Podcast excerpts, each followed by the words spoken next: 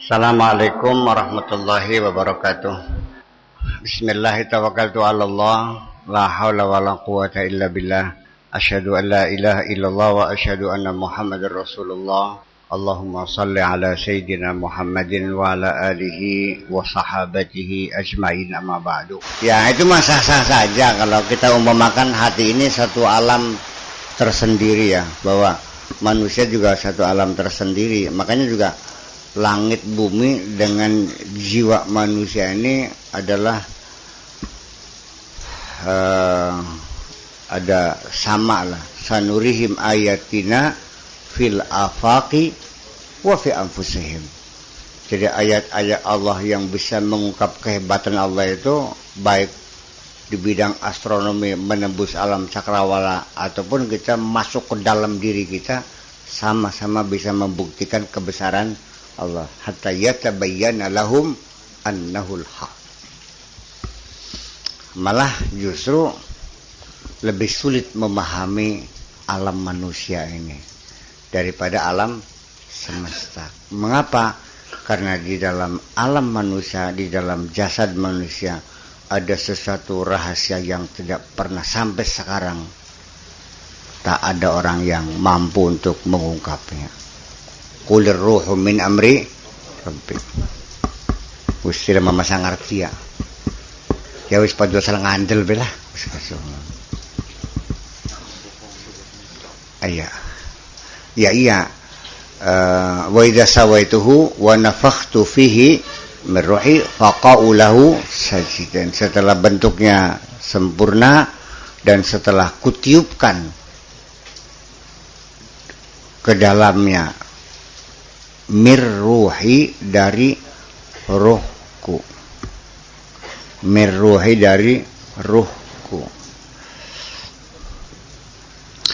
Nah itu juga masih menjadi perdebatan sengit dan tidak pernah selesai. Dan saya juga tidak akan ada selesainya. Ya persoalannya adalah sudut pandang kita yang berbeda. Uh, saya khawatir pemahaman-pemahaman akidah semacam ini akan menjadi suatu yang simalakama ketika MUI sekarang mencari alasan-alasan mencari alat bukti standarisasi yang disebut ajaran sesat itu yang seperti apa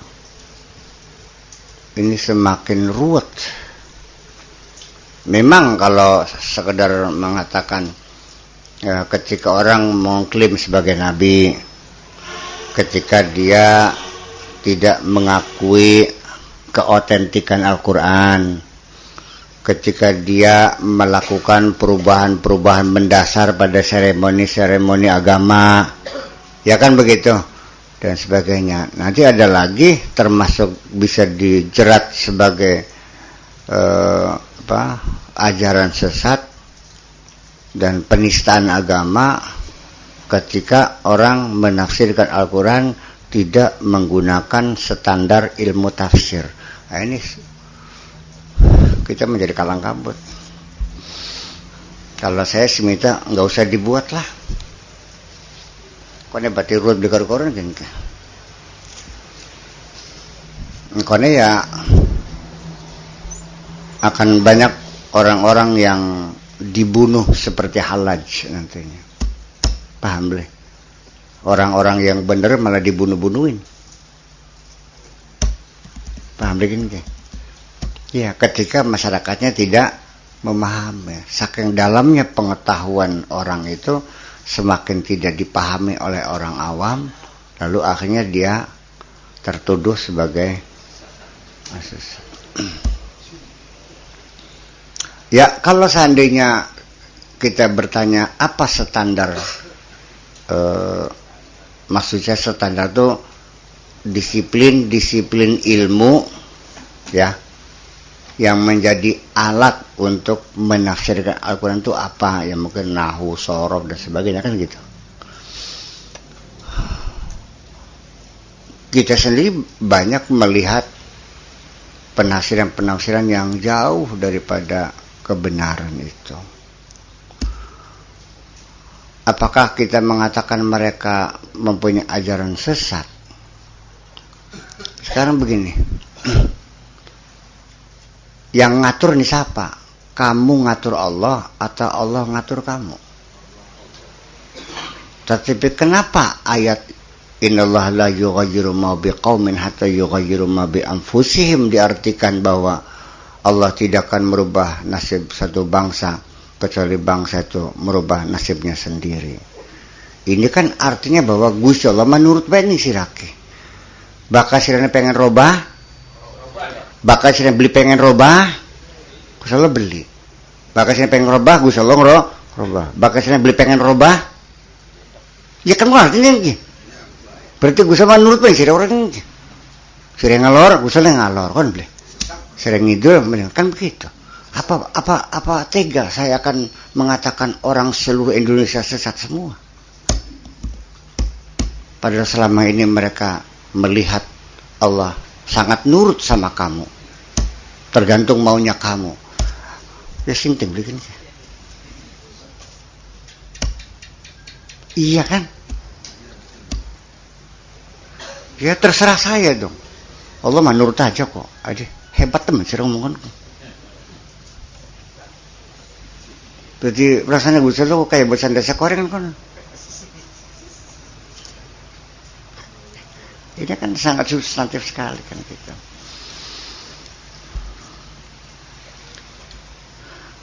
Salah nggak penafsiran begitu? Ya kalau saya kalau saya mah mengatakan itu salah. Tetapi itu kan public opini, pendapat umum seperti itu. Karena gara-gara terlalu tenarnya ayat ini diucapkan oleh setiap mubalik, memang saya mengerti tujuannya adalah membangkitkan semangat bangsa untuk merubah dirinya. Ini adalah pengaruh dari perjuangan bangsa-bangsa dunia yang terjajah menuntut kemerdekaan. Ya kan begitu? yang disebut perjuangan self determination. Ini ungkapan self determination itu hak untuk menentukan nasib sendiri. Makanya self determination itu ketika disampaikan oleh Bung Karno di PBB, mungkin Bung Karno ada yang membantu seorang ulama. Ini ayat Al-Qur'annya ada self determination itu.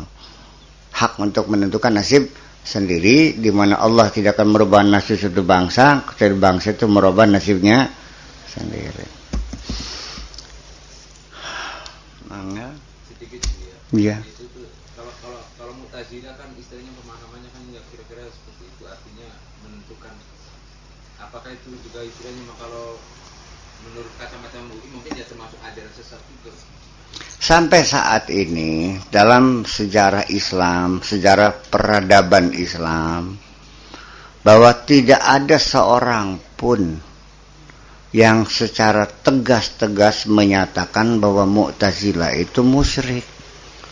Mu'tazilah itu sesat. Malah justru mereka membuktikan keunggulan di atas sekte-sekte yang lain. Buktinya mereka memberikan kontribusi yang terbesar dalam membangun peradaban dan keilmuan Islam. Singawit nahu soroh balaku ke wa mutazilam lulus yang ngarang ke.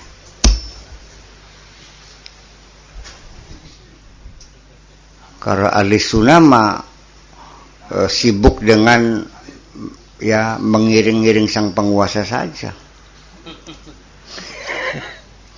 Iya, ada mana paham boleh. Ya, bakal presiden mana? Kudu melem presiden. Mungkin mana kudu ayo selalu melingkari sang penguasa. Mencari ya kerjanya bikin proposal itu.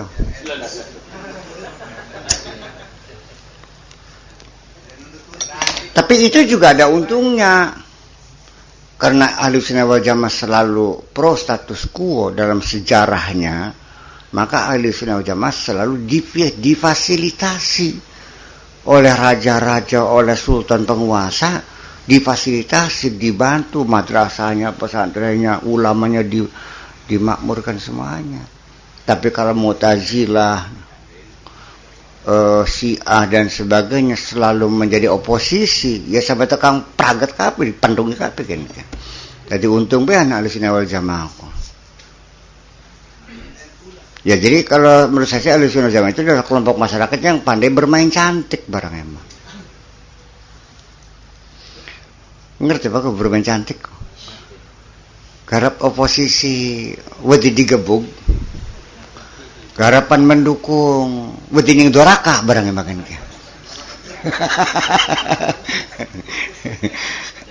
kalau nggak sih rada vokal kumung Abdul Hasan al Ashari baik Abdul Hasan al Ashari itu paling vokal. Hanya dia. Tokoh apa? Tokoh ahli sunnah wal jamaah yang mampu mengkritisi. Tapi Abdul Hasan al Ashari sendiri juga nggak pernah di nggak pernah dipukul ya. Nggak pernah dihabisin. Karena apa penguasa juga sadar ah biar aja itu kan sekedar ngomong. Dia nggak pernah mengajak orang untuk manggul senjata kok. Selagi tidak bersenjata selagi tidak anarkis ya oke oke aja lah. Gitu. Ya punten kin makin ya ya makanya sampai sekarang juga kita melihat kan eh, kelompok-kelompok Islam yang mendukung Pak Harto kan di, difasilitasi kan. Bisa bikin rumah sakit bisa bikin sekolah-sekolah yang berkualitas ya kan barang nih sok endah daun yang lawan. Akhirnya kan tapi akhirnya masuk jadi pendungi kumelu aja harus mah akhirnya mancing beli masih pan sudah dipendungi mancing dah akhirnya. Mancing ya kari gabrug pun mancing sih mah ya kayak oleh tembelakan baik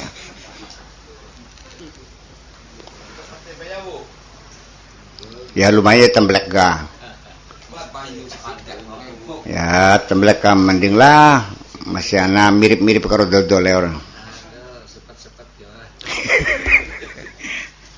Ini jadi artinya bahwa Eh, dalam kajian ya memang memang saya sudah belajar sejak lama belajar untuk mempunyai keberanian ya, untuk melakukan kritik historis.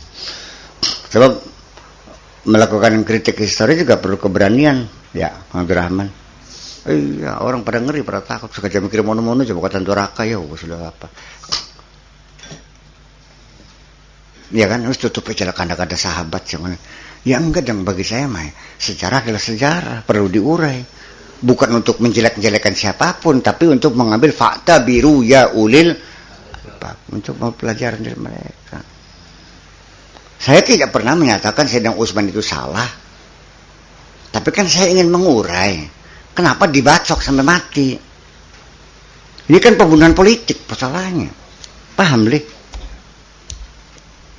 yang bunuh uh, apa Sayyidina Utsman tuh Bukan perampok, bukan. Bukan karena perampok datang mencari harta yang bukan. Memang sejadi dibunuh tujuannya politik persoalannya. Lah iya. Jadi bakasnya Umar ke ditubles wetenge kalau belati esuk-esuk subuh beli kayak curanmor ning tuang bencirong nih kana duduk. Ya karena pembunuhan politik kan. Iya begini ke. Gak salahnya apa? Ya kita boleh nggak saya nanya itu salah apa sih Umar? Sayyidina Usmannya salah apa? Bisa dibunuh tuh. Kan gitu. Masa nggak ada salahnya bisa dibunuh? Ya kan begitu. Nah itu persoalan-persoalan kan harus ada punya keberanian untuk melakukan kritik historis itu. Itu kan terkenal dengan KKN-nya jabatan-jabatan penting ya masalahnya ya karena tidak mampu menghadapi rongrongan dari apa namanya kroni-kroninya yang meminta jabatan-jabatan. Penting akhirnya kan orang lain kan akhirnya kan sakit hati. Kita sih menggaya wakil wakil aja. Bermain gua adin ya bermain kakak ngasih pribadi kita apa? Paham deh kan iya iya. Iya iya, standarisasi kesehatan ya. Iya.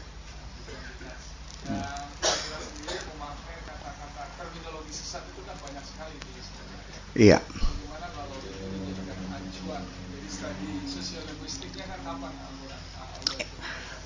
Ya justru karena itu ini hebatnya Allah juga sih. Yang Al-Qurannya sendiri ketika ditafsirkan oleh berbagai ulama kesimpulannya berbeda-beda. Ini bahwa kita harus bahwa, bahwa pluralitas itu satu realita yang nggak bisa dihindari. Ayatnya pada. Tapi sepuluh ulama baca kesimpulannya berbeda, berbeda-beda. Kita saja bermazhab Syafi'i. Dalam pengertian saya bermazhab Syafi'i itu adalah ketika metodologi Imam Syafi'i saya pakai dalam menganalisa ayat ayat Al Al-Qur'an. Tetapi ya kan otak saya kan nggak sama dengan otak kamu-kamu kan.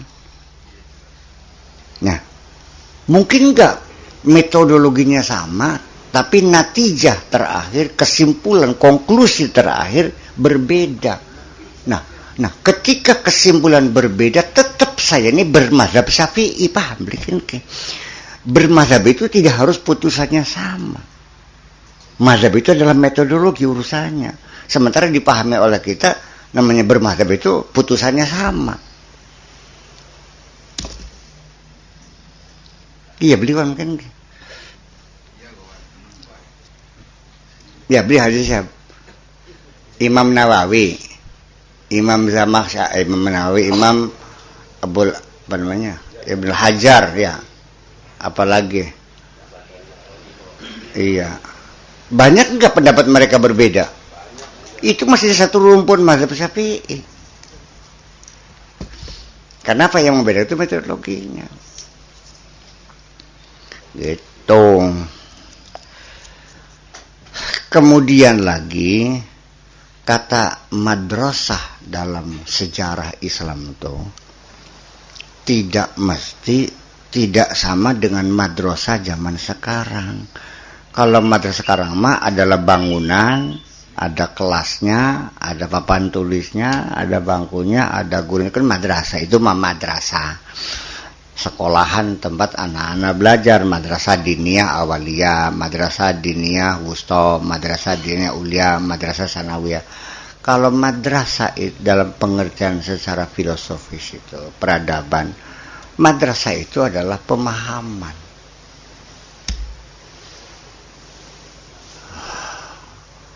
Artinya satu pemahaman gagasan aliran yang dipimpin oleh seseorang dan itu mengkristal menjadi satu e, gerakan sendiri.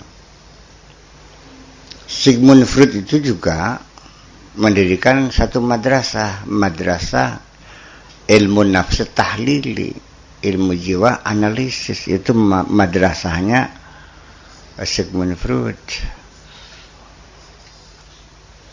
Itu di madrasah itu ya bukan sekolahan. Sekolahnya nggak ada. Jaring Islam liberal. Siapa pimpinannya? Lah besar. Itu madrasah. Anak beli madrasah ya langka. Anak gue mau bayang kan nama nah madrasah sanawiyah cadang madrasah aliyah cadang pinggan ya Pak Ahsin katanya. Tapi kalau madrasah cadang pinggan yang sesungguhnya adalah adanya dalam pikiran saya. Dan yang kamu pahami kemudian kamu sebarluaskan. Kan gitu. Menjadi madrasah syakuriyah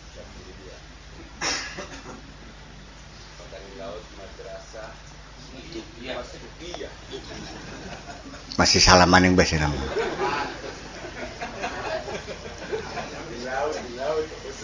Ki Tuki mah bukan sahibul madrasah itu mah sahibul zawiyah. Mah pendepokan pun makunku iya iya iya madrasah. Jadi ya eh siapa lagi yang punya madrasah istimaiyah Ibnu Khaldun itu juga sebagai pembangun madrasah eh, kajian sejarah yang membangun satu ilmu menjadi disiplin baru yaitu adalah sosiologi. Madrasah dunia artinya bukan hanya sekedar ilmu sosiologi tapi pola pikir metodologi sistematika itu menjadi tren pada zamannya itu. Dan sampai sekarang uh, madrasah dunia masih terus berkembang malah di Eropa menjadi satu rujukan di sekolah-sekolah ilmu sosial itu Ibnu Khaldun itu menjadi satu mata pelajaran pokok yang harus dikuasai. Ya, seperti kedokteran juga itu Ibnu Sina ya. Ibnu Sina juga itu anatomi anatomi Ibnu Sina, ilmu tasyrih. Anatomi itu bahasa Arabnya ilmu tasyrih. Barang kecil-kecil waduh ilmu syarah ilmu, ilmu tasrih ilmu syarah. Anatomi iya. Ini ya tasrih ilmu tasrih tidak ilmu anatomi e, sangat mendetail. Saya sudah cek saya lihat buku e, sampai jam bes, apa namanya tulang-tulang saraf segala macam itu semuanya terurai ya. Eh, apa namanya dan ilmu yang paling sulit di dunia ilmu anatomi. Iya langsung undang kan mumet. Bakal beli cerdas-cerdas bisa mangel. Makanya kalau orang masuk ke dokteran harus ya nilainya di atas 110 kalau kurang ya nantinya kalaupun jadi ya malah praktek dulu. Kayak anu apa? Om nikah pernikah berita ya, salah praktek ada nggak pernah nggak ada sakit cari dokter kian ginjal cari dokter kian paru-paru Keterkian, ya. Si priben badak-badakan beko. Non? Ya. Oh, waktu belum bisa ngentut kah? Pirang tidak beli ngentut kah? gara-gara masalah ngomong kan. Kualat ya. Kualat. Yang ada buya susu dibayar dengan baik. Ih, barang deh patang larang ya bayarnya itu jadi ya apa namanya di di di penghujungnya akhirnya memang eh, tadi makanya jadi dalam peribahasa kita kembali peribahasa Jawaku baka pari gabug dengak ya? Baka aos ya itu kan lesa kaidah kuliatan itu tidak kaidah kuliah beli mesti wong bodoh ake omongnya wong pinter tidak ngomongnya ya ada juga orang pinter ya ngomongnya banyak ya ada. Wong bodoh sih menang bayar pirang-pirang. Ngomong apa iya.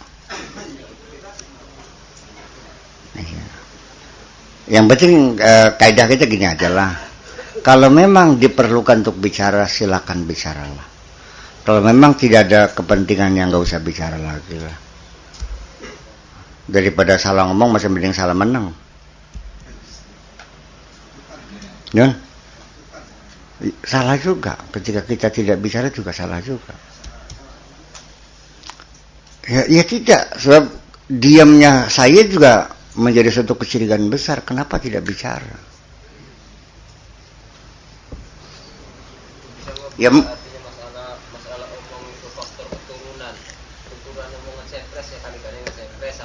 oh ya bakat oh atau uh, penyakit apa genetika nah genetik bisa bisa terjadi seperti bakat-bakat ya keterampilan kesenian bapaknya tukang nyanyi anaknya bisa nyanyi boket tukang joget anaknya bisa joget tapi bapak bapaknya bisa ngaji turun tentu anaknya bisa ngaji.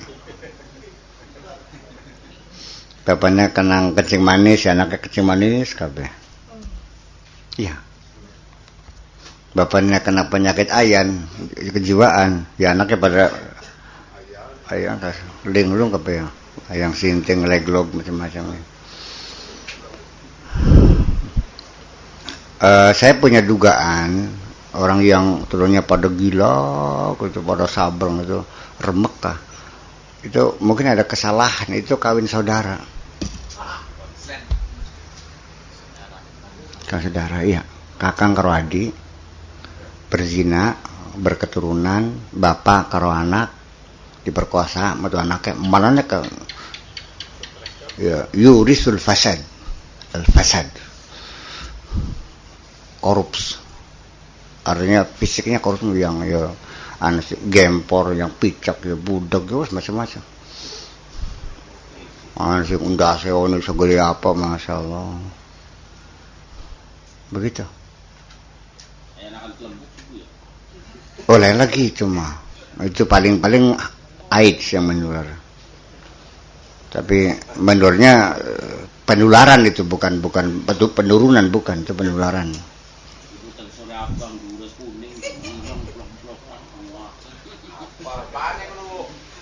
ya artinya bahwa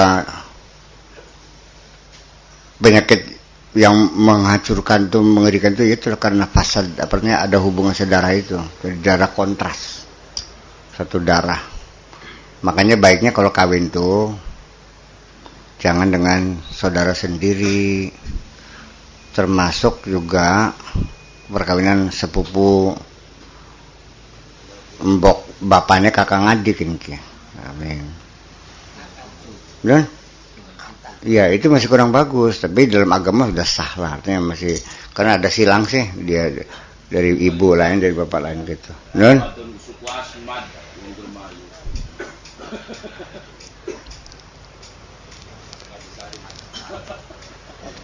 Ya kalau tunggal putu kah? Ya bagusnya karong sejen. Ya secara sosiologis juga masih baik dengan orang lain sih. Nambah sedulur kan? Bakau blok blok sebasok aku dulu nambah. Kakang gak anak ya kawinakan maning. Kakang adik ya nambah sedulur kuniku. Nah tradisi begitu tuh berlaku di Arab kawin setunggal tunggal putuku ya. Terus ketemu kakang gak anak maning wis kawin nabe kawin namanya. Terjekin bapak kan mamang beli. Mertuanya mamang runggu. Iya. Oh ya enggak juga. Nah, tapi ya agama membolehkan, tapi ya masih ada kerawanan juga sebetulnya mah. Sudah boleh mah. Ya bagusnya sama orang lain lah. Wong aduk ah, saya nggak dulu. Dan kemudian juga sering terjadi adalah kesalahan yang tidak disengaja. Asalnya bapaknya bangor, kawin maning beli wara-wara. Dua anak. Ora. Oh iya.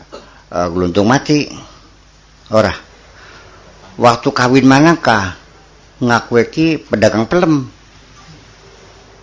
Arane Hasan. Ya bukunya kan Hasan berani ya. Ngaku duda maning, beli ketangguhan mati. Nah, anak rabi nom, anak rabi tua, wis pada gede nih, pada demen kawin. Panai be kurang cerdas.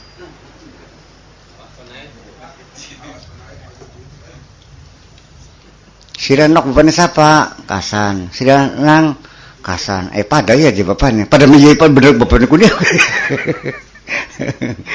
itu kawinakan. Ya iya. Nah, setelah punya anak banyak, ngambil ketangguhan yang itu adanya sendiri, lain ibu kan. Itu banyak, ya terpaksa dipisah. Tapi anaknya nantinya kan rusak. Iya, ya itu yang pada gila, pada sinting, pada stres kan. Pelanga, plongo, ya itu makanya. Nah, itu adalah memang itulah makanya ini kajian-kajian kemanusiaan ini memang luar biasa ya. Luar biasa. Kita juga tidak tidak tidak tidak habis pikir ya kok ilmu kemanusiaan ini nggak pernah selesai. Nggak pernah selesai. Ada aja. Sampai sekarang juga ada pengolahan atau cara pengen punya anak laki-laki bagaimana? Ada caranya dari mulai cara sanggamanya kemudian makanan-makanan sehari-harinya menunya dirubah ya. Bakal pengen anak lanang mangan sate. Wis mangan sate semua aku sate ombu dan kone anak lanang. Kalau makan sayur-sayuran aja nanti anaknya perempuan Ayo banci sih ya mana apa kembang kembang kol Oke. Iya, karena itu. Oke. Jadi artinya bahwa pada ujung-ujungnya kalau kita sudah masih dalam perjalanan menuju kebenaran, ketika mendapatkan kehebatan-kehebatan, diberikan apa namanya ya sedikit kesaktian-kesaktian, nggak usah banyak diceritain dah. La yambaghi lisalik an yu'abbira an waridatihi. Ngimpi apa usah ngimpi-ngimpi mungkin jadi kanak wong maning lah. Kadang-kadang mimpi-mimpi kita yang diceritakan kepada orang lain juga menjadi malapetaka juga. Terjadikan pada diri Nabi Yusuf. La taqsus ru'yaka ila ikhwatika fayakidu laka kaita. Ngandel tak boleh. Ya iya. iya makanya. Makanya la yang bagi lisalik an yu'abbir an waridatihi. Fa inna dzalika mimma yuqallilu amalaha fi qalbihi. Ini bisa mengurangi semangat kerja di hati kita. Wa yamnahu wujud sidqi fiha ma'a rabbih. Juga akan bisa mengurangi ke, kejujuran kita dengan Tuhan kita gitu. Qultu al-murid fi hali sayrihi seorang murid ketika masih dalam perjalanan menuju kebenaran makmurun bil kitman itu diperintahkan untuk menyembunyikan.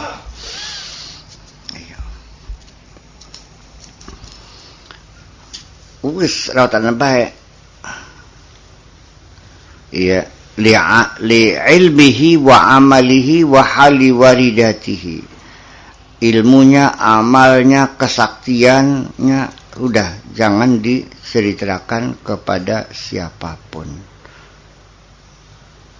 Fa, ifsa'uhu li amalihi. Kalau dia banyak bercerita, banyak ifsa menyebarluaskan amalnya itu adalah bukti min qillati ikhlasihi. Adalah bukti bahwa bahwa dia masih kurang ikhlas. Amal tuh nggak usah diceritain lah. Sudah kertak-kertak besi itu aja diwer-werakan maning kah? Anu kita terus anu nyumbang anu bantu ini nggak usah lah udah siap menengah baik. Belajar bersembunyi itu penting. Jadi orang belajar benar itu dengan belajar bersembunyi itu sangat keras sekali ya.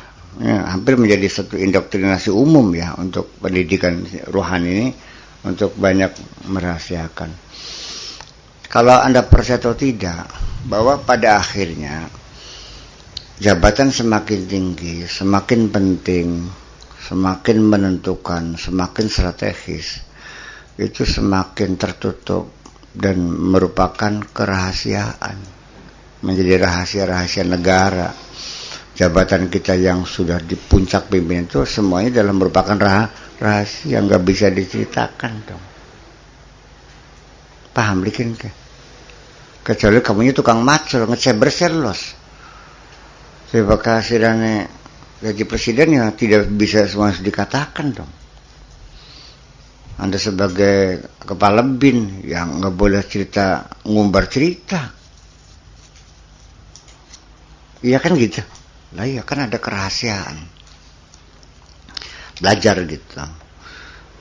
Sedurunge jadi wong gede mumpung lagi cilik ya belajar menyimpan rahasia. Tingbat yang wis gede ka artinya wis bisa uh, wat uslahnya watangnya budi pateng pendukul maning. Ya. wa ifsa'uhu li ahwalihi min qillati sidqihi ma'a rabbih dia banyak cerita kepada orang lain. Tentang dirinya itu menunjukkan uh, kurang jujur terhadap Tuhannya sendiri. Hmm. Wa aidan al-ahwal ta'ti min hadrati qahar. Fatus'ijul quluba khawfan wa tuqliquha syauqan. Jadi ahwal kondisi-kondisi psikologis ini ta'ti terjadi datang min hadrati qahar. Datangnya dari kehadiran Allah yang maha perkasa. Tuz'ijul quluba. Yang membuat uh, kecemasan hati. Khaufan karena takut cemas-cemas takut. Wa tuqlikuha syauqan. Dan menggelisahkan karena kerinduan. Ya ada goncangan. Fa idza afsha dzalika tabridan laha wa itfa'an linuriha kalau diceritakan kepada orang lain itu berarti pendinginan dan bisa mematikan cahaya. Iya. Kaman ghallat kaman ghallat. Qudratuhu fasubba fiha al-ma'u al-baridu kaman ghalat ghala ghalayan ya ghalat ghala yaghli. Kaman ghalat qudratuhu fasubba fiha al-ma' al-ma'ul baridu fayatulu alaihi ghalayanuha saniyan seperti orang yang menggelegak mendidih. Apa kudratu kemampuannya? Membara fasuba fil ma terus dibanjur sama air albari yang dingin. Fayatulu ghalayanuha sanian. Itu menambah menggelegak malah tambah suwe panasnya kedua kali itu. Walau qallala naraha wa harrakaha lastafada idamaha al idamatuha. Tapi kalau dikecilin apinya ya kemudian digerakkan dikorek-korek maning ya kayak wong dagang sarabika lastafada koding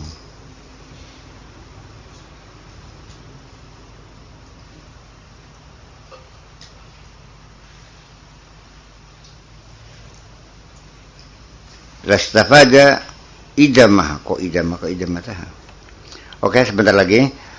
E, kapan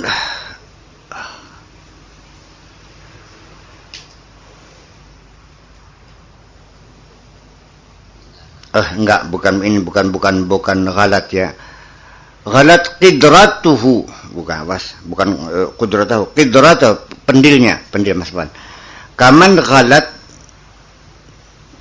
qidratuhu. Seperti orang yang pendirinya mulak ya. Fasubba fihal ma terus dibanjur pakai sama air alberjang dingin. Fayatulu ali ghalayanuha sanian.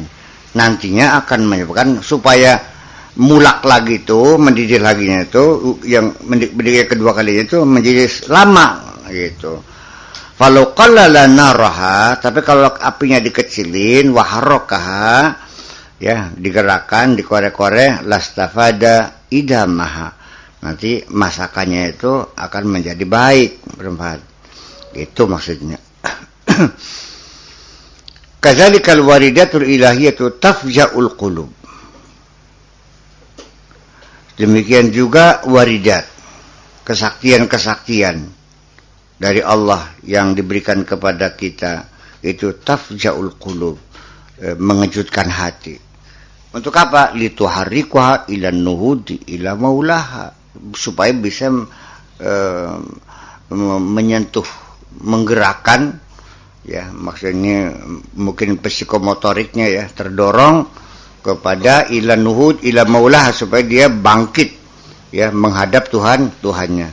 Faida afshaha kalau disebarluaskan wa dzakaraha diceritakan kepada orang qalla amaluha fi qalbihi. Kerja di hatinya menjadi kecil. Wadalla ala sidqihi fiha ma'arbihi. Sudah qala and wadalla amalnya sedikit wadalla ala sidqihi fiha ma'arbihi dan menunjukkan sejauh mana kejujuran. Ini sudah itu bukan dalla sih. Mana tadi itu? Zalla makanya itu.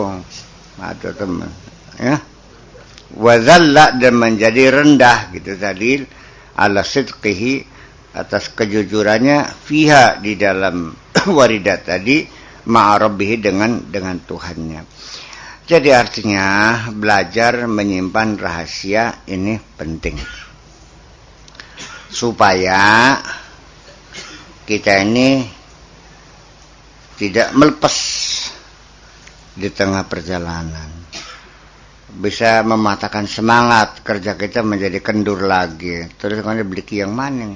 Ini asik asik kanda kesaktian beken wiri demari gada gede guys beli yang.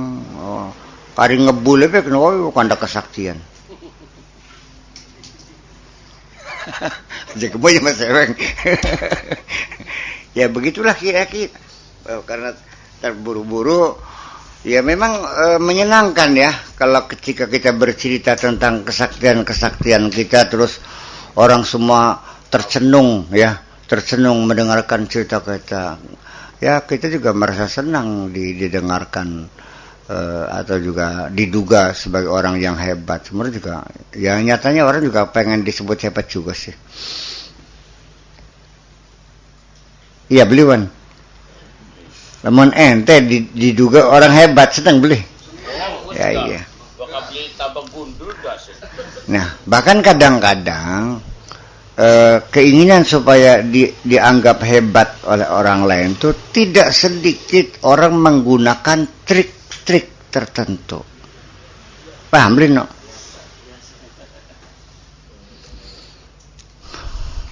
Pakai trik. Umpamanya kin mah sasalim Pak Kuwu Karsono Mas Epeng. Tak bayar kin kia sebulan sejuta. Tapi kongkon babodo wong waran kia sakur sakti. Ono oh, beli ono wong pengen duwe rabi wis mana bae ngkone Olivier sariki Wajan ini yang kone menyane semene juta semene juta ngone oleh 10 persen tidak sedikit yang dengan cara begitu tuh. Lah ya iya. Lah ya begitu. Iya, jadi artinya makanya baka urusannya masih jaluk mas kawin sekian juta, kemudian minyak malikul buhure sekian juta, eh bobat kabeh kan. ngedel jimat ini apa namanya ketimang apa jalannya kah besar anu besar anu. Regane semene semene ya Allah ya Rabbi. Laman iya ting bating sira diparingi dipakai kesaktian ya mangga. Nulungi wong ya los tapi tulung jangan matok harga. Jangan meta upah. Niatnya tulung anda baik non yakin bating-bating bahkan siapa bisa sembar-sembur kayak ulah dumung kah pinten mas kawin ya kiai ya tolong juta belah jeng nah iya. Iya iya. Ya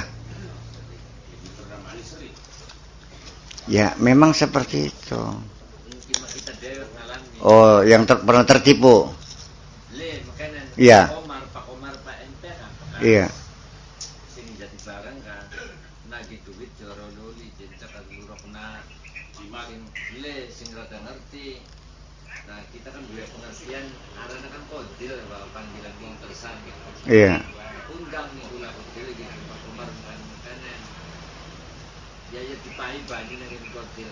Heeh. Setelah dipai rupanya berhasil. Iya. Duit ceritanya teluan sewu. Iya.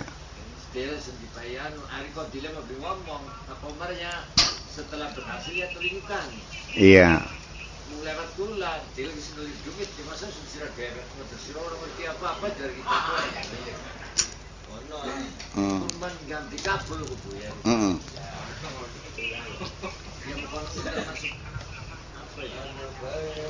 Dulu sampai kodir, kodir, kodir. Ya kodir ko pakawo merubli kun kudu kun tudu. Padua saluang bae. Oh, jadi asal anu padu asal aja nganggur belah orang kah?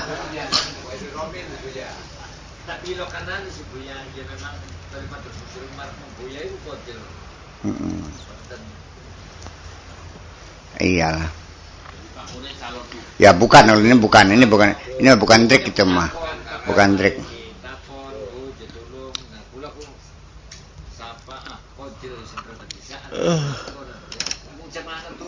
Kali kali mungkin gini kayak barang si singaran trik-trik mungkin ya panaib ge umpamane umpamane umpamane dudu naib lah.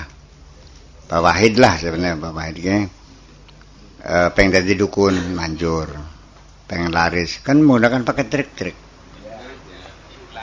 Iya ada kerjasama dengan Pak Kuwu dengan Pak Haji Salim kan ka ki sira bakal pasen ya sira oleh 50 persen.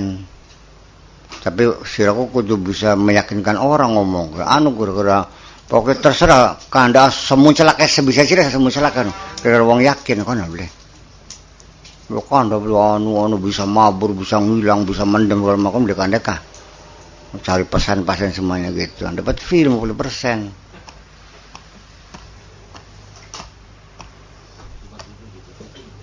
Non ya tuh tuh ya banyak orang yang eh, terdengar hebat malah sampai menasional kok.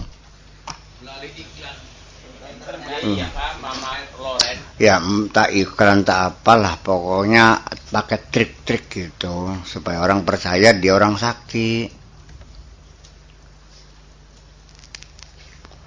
Ya artinya dalam luru duitku macam-macam sampai sing adol saling babi ana sing merah delima ana sing samurai ana sing wah macam-macam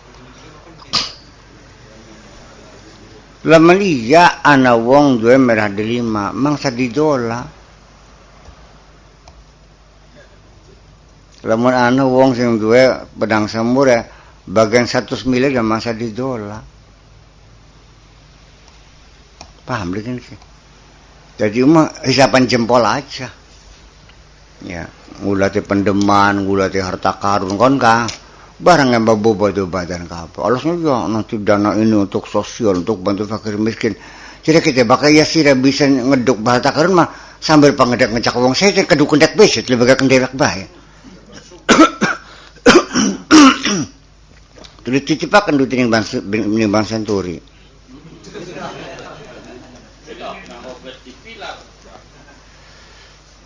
Ya artinya bahwa nah baka Robert Tentular mah memang iya konku oleh harta karun. Sebab dia butuhnya kan hanya 630 miliar. Tiba-tiba bluruk oleh 6,7 triliun. Dia bingung ini uang apa tuh kata dia dulu tuh. Ya pakai lingan, lingan kamu kan. Ya oleh harta karun kan. Butuh ya ya. Non. Ya keburu dicandak dingin atas perintah Yusuf kalah kan. Iya. Kata SBY-nya nggak ada alasan menangkap dia. Pokoknya perintah langsung tangkap. Ternyata di kantongnya sudah ada tiket. Tiket pesawat terbang akan ke Singapura. Mengikuti nggak cerita ini sih kamu nih? Mengikuti nggak? Eh, Iya kan gitu. Oh belum tahu ya. Ya itulah cerita seperti itu. Jadi kadang-kadang ya harta karun itu datangnya tiba-tiba. Nah, seperti rebetan tular ini ada juga di dadap tuh, tukang apa? Njala. Kasruk, nyangkol di kata gua tuh angkat mah hari digogon belikan itu. Oh ya diangkat gurual, patung Maria 6 kilo. Emas ya. Ya sugi beli. Tapi ada wara-wara. Baka wara-wara dioncok ngono dicukut. National Treasury nantinya. Masuk, nun? Iya. Seperti di Segeran Kilatip, beli anu itu kayak Kilatip Segeran kah? Kilatip anak kayak gitu Rahim kah? Bahasanya Ali Al Ikhlas kah? Iya, kalau jare makan kok ya ya begitulah puasa lulu harta karun segala macam. Ngal makam di Turoni. Nah terakhir itu di mana? Ah ya Karang Kendal. Di cari kandane wongku. Oli cerek ya patung ya sekian kilo lah. Ya karena geger kandasnya kalau kok kurata kurutu kuang pada takon delong barang ya akhirnya kurungu akhirnya datang ada seorang ngakunya kolonel utusan dari Ibu Tin ya mengklaim bahwa ini harta adalah harta milik negara ya sebagai peninggalan-peninggalan. Ya kan gitu? Yang harus dirawat di apa di museum. Eh, jadi nanti Pak Kiai dibayar ya. Ya Bu janjikan berapa puluh juta ya bawangnya dibawa dibawa, dibawa pergi ya udah. Oh silang tuh lah pur. Di langka mungkin ya penipu juga kan? Iya lalu jatuh sakit. Ini ini kata cerita orang jatuh sakit. Ya sampai matinya juga di tangan ayepmu waktu itu. Matinya itu di pangkuannya ayepmu ayepmu jaga satu tuh. Di rumah sakit tuh mati. Ya berbulan-bulan sakitnya itu. Nggak tahu rasa pada sakit pantungi kah sakit semua. Ya itu kalau anak-anaknya baca yasin gitu. Ini cerita anak-anaknya juga kan. Sing langsung jendela kak. Prat dibuka. Eh kita kita bisa baca yasinku jangan dibaca kulhu. Eh kita gak bisa kulhuku. Gitu. nah, makanya lalu akhirnya saya berkom sampai tekan mati. Nah akhirnya suatu ketika saya juga nggak tahu juga ini cerita pengalaman saya tuh ada sejadah merah gitu bulu merah saya nggak tahu dari siapa lupa pokoknya akhirnya saya senang sama sejadah ini akhirnya banyak membawa inspirasi lah ketika sholat tahajud malam, sholat tobat, sholat malam tuh bahkan sudah empuk, enak kan gitu. Jadi mungkin sholatnya khusyuk. Ya situ e, sering kali kita melihat kajian-kajian. Ya pertama kali kejadian itu ketika dalam keadaan sujud, saya melihat mobil tabrakan di jalan Gatot Subroto. Paginya tuh saya mendengar berita memang iya ada tabrakan.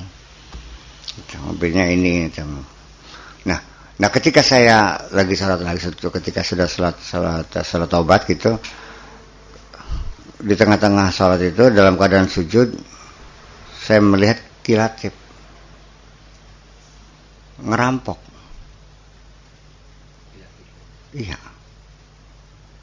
Ngerampok jin. Jadi artinya dia itu proses mengambil harta karun tuh dengan cara memaksa. Jin itu harus menyerah menyerahkan.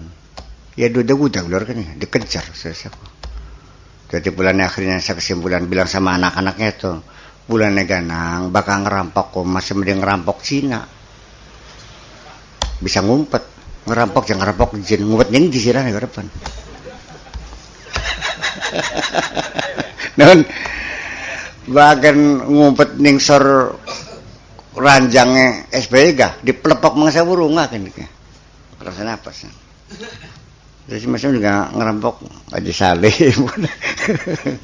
Oh, jadi mereka juga sama bisa dirampok juga. Itu dipaksakan gitu. ya itu pak. Saya tanya apa yang dipakai caranya? Memang dibakarin madat. Caranya bakar madat. Tuh pada klenger bikin izinnya ke kon bokat. Bokat? Ya itu sih hanya sekedar pemahaman saya yang sekilas secepat itu ketika sholat tengah malam seperti begitu. Dan memang iya gitu. Tadinya saya nggak tahu itu bahwa kilatip mencari harta-harta karun gitu tuh. Itu saya nggak tahu ya tahunya setelah saya mim, apa melihat ketika sholat lalu saya konfirmasi kenapa mati ya itu baru saya baru mendengar cerita bahwa kilatip tukang bakar madat di makam-makam itu. Jadi artinya ya Pak Kewu wis percuma aja lok luru harta karun maning. Aja lok luru apa saling babi maning, aja lok luru keris naga sosro maning. Ya beli aja luru baju antakusuma maning wis bobat kabeh ini barengan bakal pengen duit akema nandrus mangka baik puluh hektar langsung tuh baby band gitu Berarti masih meninggal masih meninggal rumah sening sedurang temabay aja nih seorang lemah angin lemah. Iya. Kira-kira pas panen rega semangka sekilone sewu lima ngatus. digawa mobil ketumplek sewo. aku mau urusan tegulak kuno aku niku bayar kebuyan. Ay. Ana bae nyelatek ya kok. Nyelatek ana bae. Iya wis iya iya iya. Ya ya. Ya artine artine Kak, ngulati barang ning sadhuwur yang lemah bae sih. Iya. Pakawa bedula, tinimbang ngeduk-ngeduk lemah jero-jero luru mas. Kari kedukun watu bae gunung, kadi gawe mana ning Iya, negara agung tadi duit kan. ya, ya rasional aja. daripada pada di Banten Ya iya. aduh aduh. Nah, itu kan jadi ini logika ini juga sebetulnya ujungnya saya ingin mengingatkan bahwa cerita-cerita kesaktian-kesaktian itu banyak yang sebetulnya hanya hisapan-hisapan jempol saja. Iya kan? Supaya berwibawa, supaya ditakutin orang. Oh, barangnya. Ya, no, ngerti beli no? Sudah mau bakal kandak sakit aku manggut manggut bae lakon. Pengen sakti apa sih anda sih? Iya tuh kita mah. Dalam gua bisa mabur ku beli suku beli wahin. Nyong pada akhirnya mah masih hebat ke wong dua kapal terbang. Sira bisa mabur. Rabi nira melo beli bisa digendong gitu. You Tapi sira dua pesawat terbang bisa ngikut patang atus wong sekali jeng mangkat kabeh kan. Jadi sakti di jang. Ya seperti pesawat terbang. Sira mamabur, anak pegele, paling sebulan sepisan memupipido bisa nih. Baka kinjeng masa dina-dina kan ka.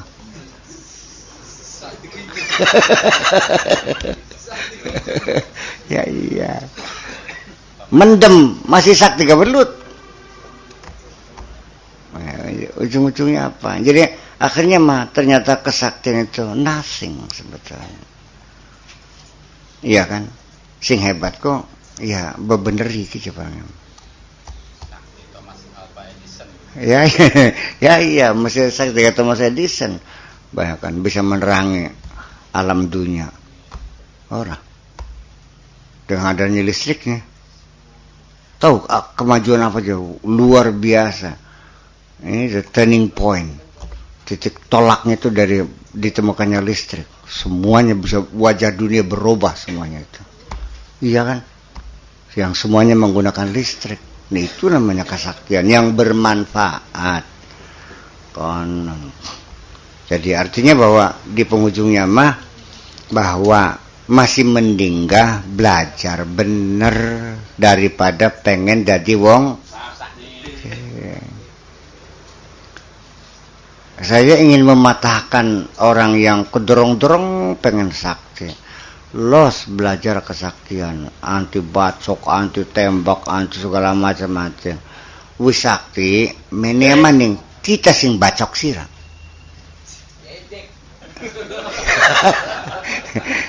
Insya Allah mempan gitu ke iya. Iya nggak ada udah tapi lamun sirane wong bener iya. Saya yang takut membacok kamu. Ngadil belikin ke. Aku yang ngeri dan ketakutan ketika akan membacok kamu. Masa tegelak tenega bacok siraku. Iya teh boleh. Jadi sepisaman kan ya saya ngajarin kan pengen sakti pengen bener. Pengen bener kalau suki. nah kayak kayak masih mending sugi lah. Nah, bokong. iku warung sate akeh bokong ngono ku. Bokong wedus tapi kamu malah malah saya ora kan ngasih 10 tusuk saya oh ya enak sate kok ya Mang Usman kok dengan sate kok nggak dinang mek mek bokong bae Mas Men bokong sapi karo pupu Kalah nanti rasa أن نشكر نعمتك التي أنعمت علينا وعلى والدينا وأن نعمل صالحا ترضى وادخلنا برحمتك في عبادك الصالحين. ربنا آتنا في الدنيا حسنة وفي الآخرة حسنة وقنا عذاب النار. وصلى الله على سيدنا محمد وعلى آله وصحابته أجمعين. سبحان ربك رب العزة أما يصفون وسلام على المرسلين والحمد لله رب العالمين. السلام عليكم ورحمة الله وبركاته.